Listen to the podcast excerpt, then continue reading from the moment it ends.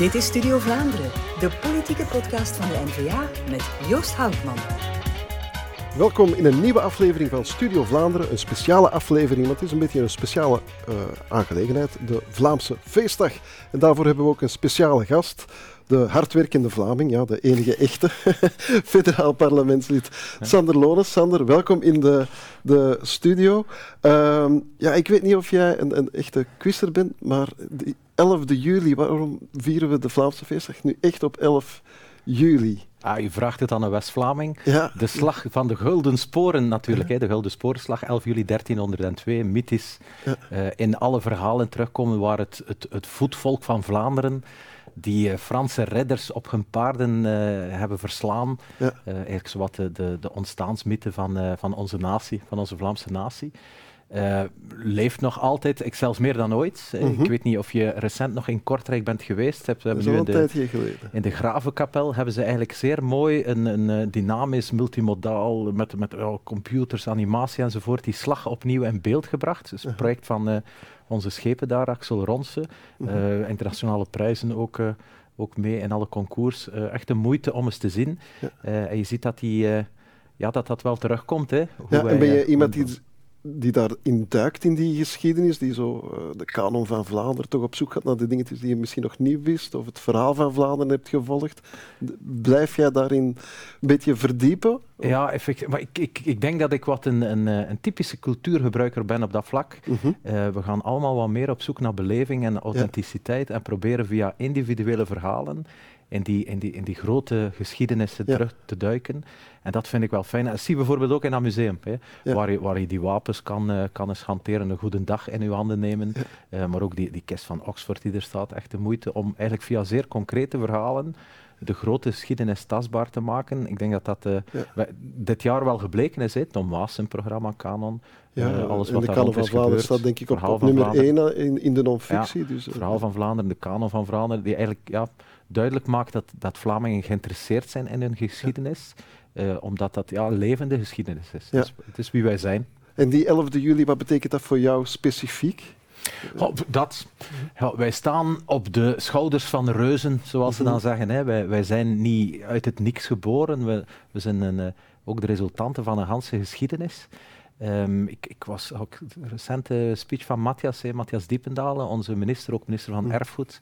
Die zei dat uh, uh, onze geschiedenis, dat is niet het aanbidden van de as, maar het vieren van het vuur. Oh, mooi. Ja. en dat is 11 juli voor mij. Ja. Wij, wij, kijken naar ons verleden, maar wij vieren vooral het vuur. He, wij vieren wie wij zijn. We zijn evident Vlaming. Wij staan in de wereld, hebben onze plaats, kunnen die meer dan ooit opeisen. Niet alleen bij ons, maar ook internationaal. Ja. We zijn echt een, een, trots volk. En dat is voor mij de 11 juli. Om dat, en, con en concreet, wat wordt deze 11 juli qua, qua dagplanning? dat is ja, een en al hectiek natuurlijk. Uh, begint dit weekend uh, met uh, de, verschillende barbecues, hier en daar wat speeches. dan natuurlijk ook de 10 juli maandag op de Groeningen Kouter onder de Maagd van Vlaanderen hebben we de traditionele speech van de minister-president, -huh. waar Jan, dus Jan Jan Bon, opnieuw zijn woord aan de natie, aan Vlaanderen zal richten. En dan 11 juli de alle festiviteiten in onze hoofdstad, Brussel, waar, ja. waar ook in het stadhuis dan dus gevierd meer, wordt. Meer dan drukke dag. Ja, ja, absoluut, in Vlaams Huis de vaten zullen opnieuw knallen. Ja. En, en, ben je iemand die daarvan geniet, van zo het ene naar het andere gaan en dan die, die feestdag ten volle te beleven? Ja, ik, ja, eigenlijk wel. Ik hou wel van die drukte. Uh, om het te beleven, maar ook om te zien hoe mensen genieten. Ja. Dat vind ik wel bijzonder fijn om te zien. Ja, um, ik, uh, ik, ik, was me wel aan het voorbereiden op dit interview en mm -hmm. toen zei iemand, ja, de Sander, dat is eigenlijk de oer-Vlaming van de NVA. Vind je dat een mooie omschrijving? Want ja, wow. het zit wel echt in jouw DNA, hè? Goh, voor mij is, um, ja, ik ben evident Vlaming. Mm -hmm. hè? En dus voor mij een absolute evidentie. Uh, ik, er zit ook geen, de, ik ben nat natuurlijk politicus, ik sta voor een politiek programma, het programma van onze partij. Eh, maar daarnaast ben ik Vlaming eh, en dat zou eigenlijk voor iedereen een evidentie Mhm. moeten zijn. Dat is wie wij zijn, hoe wij in de wereld staan. Ja. Eh, ik vind dat wij daar eh, best wel trots op mogen zijn. hè. Ja. Ik voel mij een beetje ambetant, moet ik eerlijk toegeven, want ik heb mijn leeuwtje niet opgepint. Ah, Ja, dus ik heb naar, normaal je, staat altijd... hier, of je zit hier naakt eigenlijk. Ja, eigenlijk een beetje wel. Eigenlijk een beetje wel. Dus ik heb de, de, Vlaamse Volksbeweging maakt nu die leeuwtjes. Uh, ik heb die normaal altijd, uh, altijd op, maar ik heb ze cadeau gegeven aan iemand om ah, 11 juli, beter, om 11 ja. juli te kunnen vieren. Ja. Uh, ik heb trouwens een, een recent een haantje in de plaats gekregen Uh-huh. van de minister van Begroting. De Waalse minister van Begroting, Dolimont, Ja. had een Waals haantje. Ja. Ik heb geruild uh, met, met mijn leeuwtje. Uh, dus dat is wel uh, Best sympathiek natuurlijk. En die 11 juli, ja, je komt uit een, uit een echt Vlaams nest. Mhm. Uh, uh, hoe vierden jullie dat toe, uh, vroeger als kind? Hoe is dat wat geëvolueerd? Uh, heb je daar zo warme herinneringen aan als van vroeger? Ja, familiedag. Hè. Je Hm. hebt dingen die uh, natuurlijk blijven zoals ze altijd geweest zijn. Dat is dan Ja. natuurlijk alle politieke evenementen, het vuurwerk en, Ja. de, en de pinte bier. En nu, ja, je ziet dat daar wel wat evoluties in zijn. Het Mhm. zingen, die wat traditioneler is, wordt wat meer feestvieren met, Ja. uh, met moderne muziek. Uh, wat ik nu bijzonder trots vind, om wat de link te leggen aan het begin van het gesprek, is ik zie dat in verschillende gemeenten men ook bezig is evenementen op te zetten rond die, de kanon van de eigen gemeente. Ja. En we dus die identiteitsbeleving als Vlaming hebben, maar ons dat ook zeer eigen maken Ja. in onze eigen gemeenschap.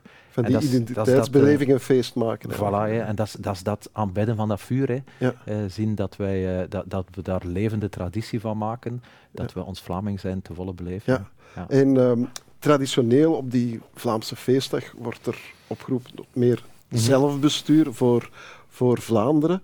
Ehm, nu, ik heb een 16-jarige dochter, een 18-jarige dochter. Dus die 18-jarige gaat voor het eerst eh, stemmen, de 16-jarige voor het eerst voor Europa nu. Kan dat. Hoe zou je nu naar hen toe Vla meer Vlaams zelfbestuur pitchen? Zo naar een jonge generatie. Hoe, hoe doe je dat? Want voor ons is dat een beetje evident, wij die het al langer volgen. Maar hoe zou je dat doen naar zo Mhm. jonge girls, zal ik maar zeggen? Ja, je hebt, je hebt politici die dan beginnen over transfers of die beginnen over identiteit, die beginnen over cultuur. Ik vind dat vooral de vraag, de fundamentele vraag eh, gesteld moet worden, in welke mate willen zij hun eigen toekomst in eigen handen nemen. Mhm. Eh, want dat is wat België vandaag onmogelijk maakt. Hè. Mhm. Iedereen die geboren wordt in dit land is onmiddellijk opgezadeld met gigantische schulden, gigantische tekorten. Eh, maar wordt ook geconfronteerd met een politiek die eigenlijk niet alleen keuzes maakt voor vandaag, maar ook al mensen vastzet voor morgen en overmorgen. Hè. Je bent niet alleen in de onmogelijkheid om vandaag beslissing te nemen, maar ook morgen zal je dat niet kunnen doen, omdat geld al opgesoupeerd is, omdat bijzondere wetten zeggen dat je niet mocht, omdat de grondwet u een aantal zaken onmogelijk maakt. En, en dat is Vlaanderen. Hè. Kiezen voor Vlaanderen is kiezen om terug uw eigen toekomst te kunnen maken, Mhm. om eh, afstand te nemen van die Belgische blokkering, om afstand te nemen van die Belgische tekorten, die schulden, maar zelf opnieuw ja, de touwtjes in handen te kunnen nemen. En, en ja, onze jonge mensen moeten, moeten beseffen dat het daarover gaat. Hè. Gaan zij opsoppen wat er allemaal fout is gelopen in het verleden? Gaan ze Belgisch blijven? Of kiezen ze voor hun eigen toekomst? Ja, maar tegelijkertijd hoor je ook weer stemmen die pleiten voor terug te gaan herfederaliseren. Ja, Ja. bijzonder. Hè. Vlaanderen is doen, België is doen alsof. Hè. Eh, en, en het is constant doen alsof, alsof, alsof het beter zou gaan wanneer alles weer geherfederaliseerd wordt. Je moet maar Type voorbeeld VLD. Hè. Die hebben nu een congres gehad in Gent eh, een maand geleden of zo. Eh, binnenkort hebben ze blijkbaar een nieuw congres nodig, maar daar hebben ze gezegd, we gaan bevoegdheden herfederaliseren. Dus die willen bevoegdheden afpakken van Vlaanderen, waar we eigenlijk een centrumrechtse eh, regering hebben. Die bevoegd gaan ze afpakken en ze gaan dat geven aan België, waar de PS en, en Ecolo zitten. Oh, ik kan er echt niet bij. Hoe, hoe wij onze eigen toekomst alweer opnieuw zouden overlaten. Wat gaan we doen? Eh, onze mobiliteit eh, opnieuw laten beslissen door de PS en door Ecolo. Eh, ons energiebeleid, hè, dat is wat de VLD voorstelt, hè, ons energiebeleid. Het loopt nu al in de soep met hun kerncentrales. Wat ze moeten beslissen, krijgen ze amper of niet beslist. En dan zegt de VLD dat dat de oplossing is. Oh, ik sta er met grote ogen aan te kijken. Ja, niet alleen met grote ogen, maar ook vaak met een grote mond, merken wij in, in het Oei. federaal parlement. Ja, maar dat, dat is goed. Eh, eh, in Antwerpen zeggen wij soms, iemand kan zijn kas opfretten. Heb jij dat gevoel soms niet in het federaal parlement? Dat je denkt van, van hier wordt elke dag bewezen dat België niet meer werkt. Ja, absoluut. Ik dacht dat je ging zeggen, in, Frank in uh, Antwerpen zeggen ze dat je een franke teut hebt. Hè? Ja, ook wel. Ja. ja. ja. Uh, daar houden wij wel van. ja, ik vind ook dat dingen benoemd mogen worden. Hè? Als iets misloopt, dan moet je dat in zeer heldelijk, klare, verstaanbare taal duidelijk maken aan mensen. Want het gaat over hun geld, het gaat over hun toekomst. Uh, en ik zit wel degelijk mijn kas op te fretten. Hè. Dus wat, wat wij zien is gewoon onbetamelijk. Hè. Echt onbetamelijk. Je ziet dat politici die heel goed weten wat er nodig is, dat ze die weg van de verantwoordelijkheid gewoon niet kiezen. Hè. Blijven aanmodderen, de situatie gewoon nog erger maken. Uh, we kennen allemaal de, de, de, de, opleistingen. We hebben zo de slechtste begroting van Hans Europa. Als je kijkt naar belastingen, we zijn kampioen in belastingen. We zijn kampioen in schulden. Hè. Er zijn in Europa vijf landen met gigantische schulden. Die zijn allemaal hun schulden aan het afbouwen, behalve eentje, België. Het is steen achter het ander. Steen achter het ander. Straks gaan wij 10 miljard euro betalen alleen nog maar interesten op de schuld. 10 miljard euro. Het ganse budget van de politie is 2,5 miljard.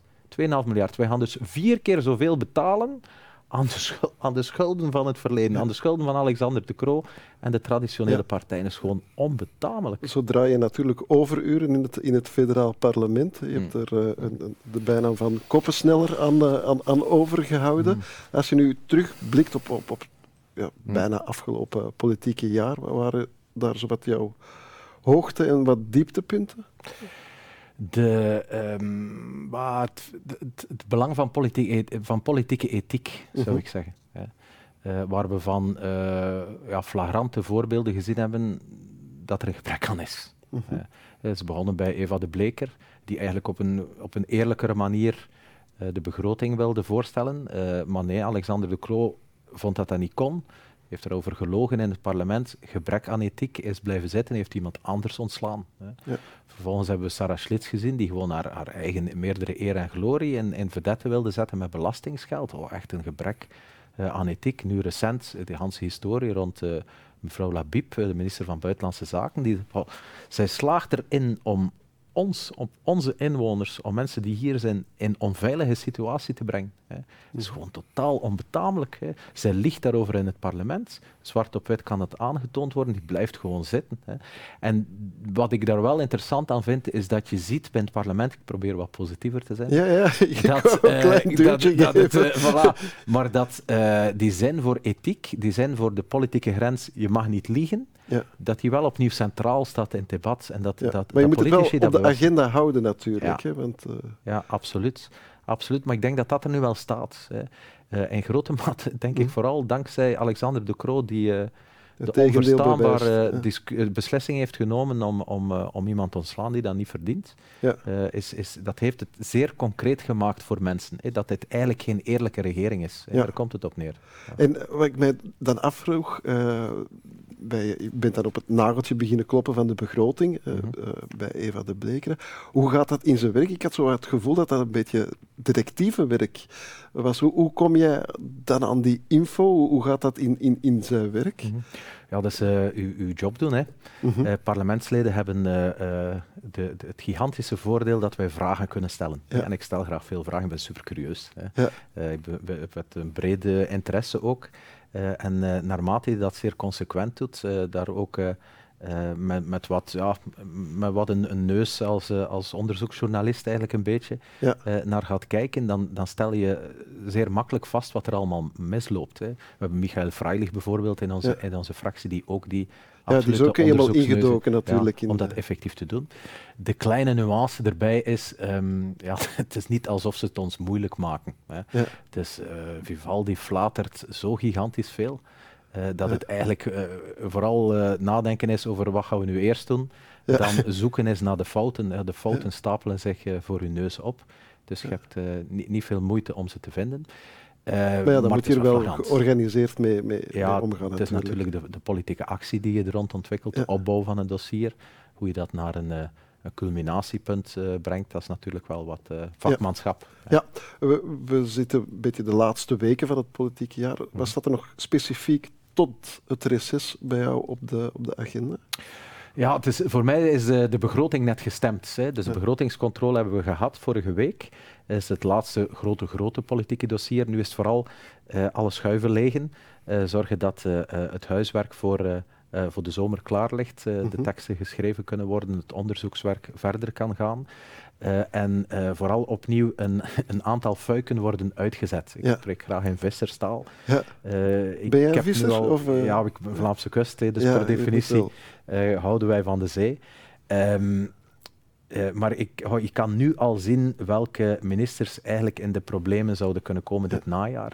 voor mij is dat bij uitstek Thomas Dermin is de, de golden boy van de PS, waar je echt ziet, keer op keer, ik ben nu een aantal maanden zijn dossiers wat nauwer aan het opvolgen, dat je ziet dat hij het gewoon niet waarmaakt. Hè. Het, mhm. het relatiegeld van Europa.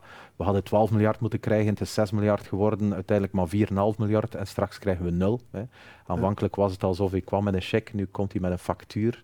Europa zegt het ook letterlijk dat zijn uh, planning vertraging oploopt, dat hij zijn programma's niet rondkrijgt. Uh, als een en ander niet geregeld is de komende weken, krijgen we in september geen centen van Europa. Dus uh, uh, ja, dat dossier ben ik nogal stevig Bij deze is hij gewaarschuwd natuurlijk. Ja, ik heb nog wel nog een aantal andere op het oog ook. hè. Maar dat is er toch eentje om extra in de gaten te houden. heel lange schuif waar er heel veel, veel in past natuurlijk. Ja, dikke visjebak. Ja, maar daarna, na het reces, er komt ongetwijfeld vakantie, daar kunnen we misschien zelfs eens over, over mhm. praten. Maar dan staan we er weer, maar gaat er dan nog veel politiek bedreven worden? In de zin van, zitten we daar al niet meteen in campagne? Oh, we zitten eigenlijk nu al in lopende zaken en we zitten er al maanden in. Die federale regering beslist gewoon niks. Hè. Oh, in december ging er een, uh, een pensioenhervorming komen. Uh, we hebben een uh, weken tijd verloren met het ontslag van Eva de Bleker. Vervolgens ging er een, een arbeidsmarkthervorming komen. We horen er niks meer van.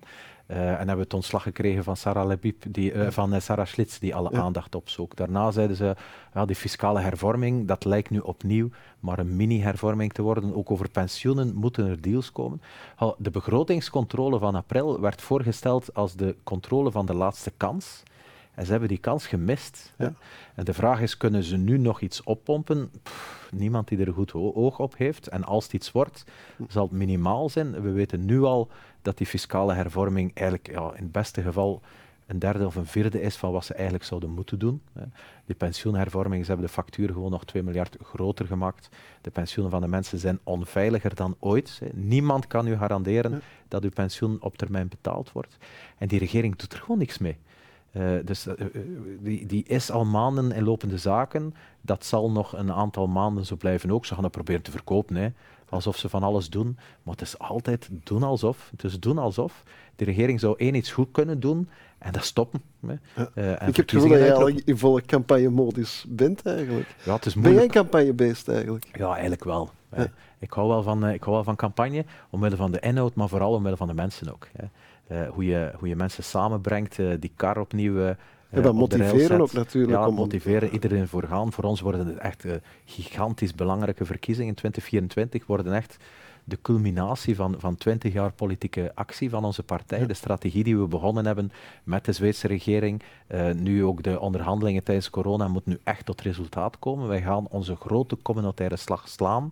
Ik ben daar intens van overtuigd. En ik zal er in elk geval alles aan doen dat dat ook zo wordt. Hè. Vlaanderen moet op eigen benen kunnen staan. En het is de historische opdracht van onze partij, van de NVA, om ervoor te zorgen dat dat, dat, dat ook gebeurt.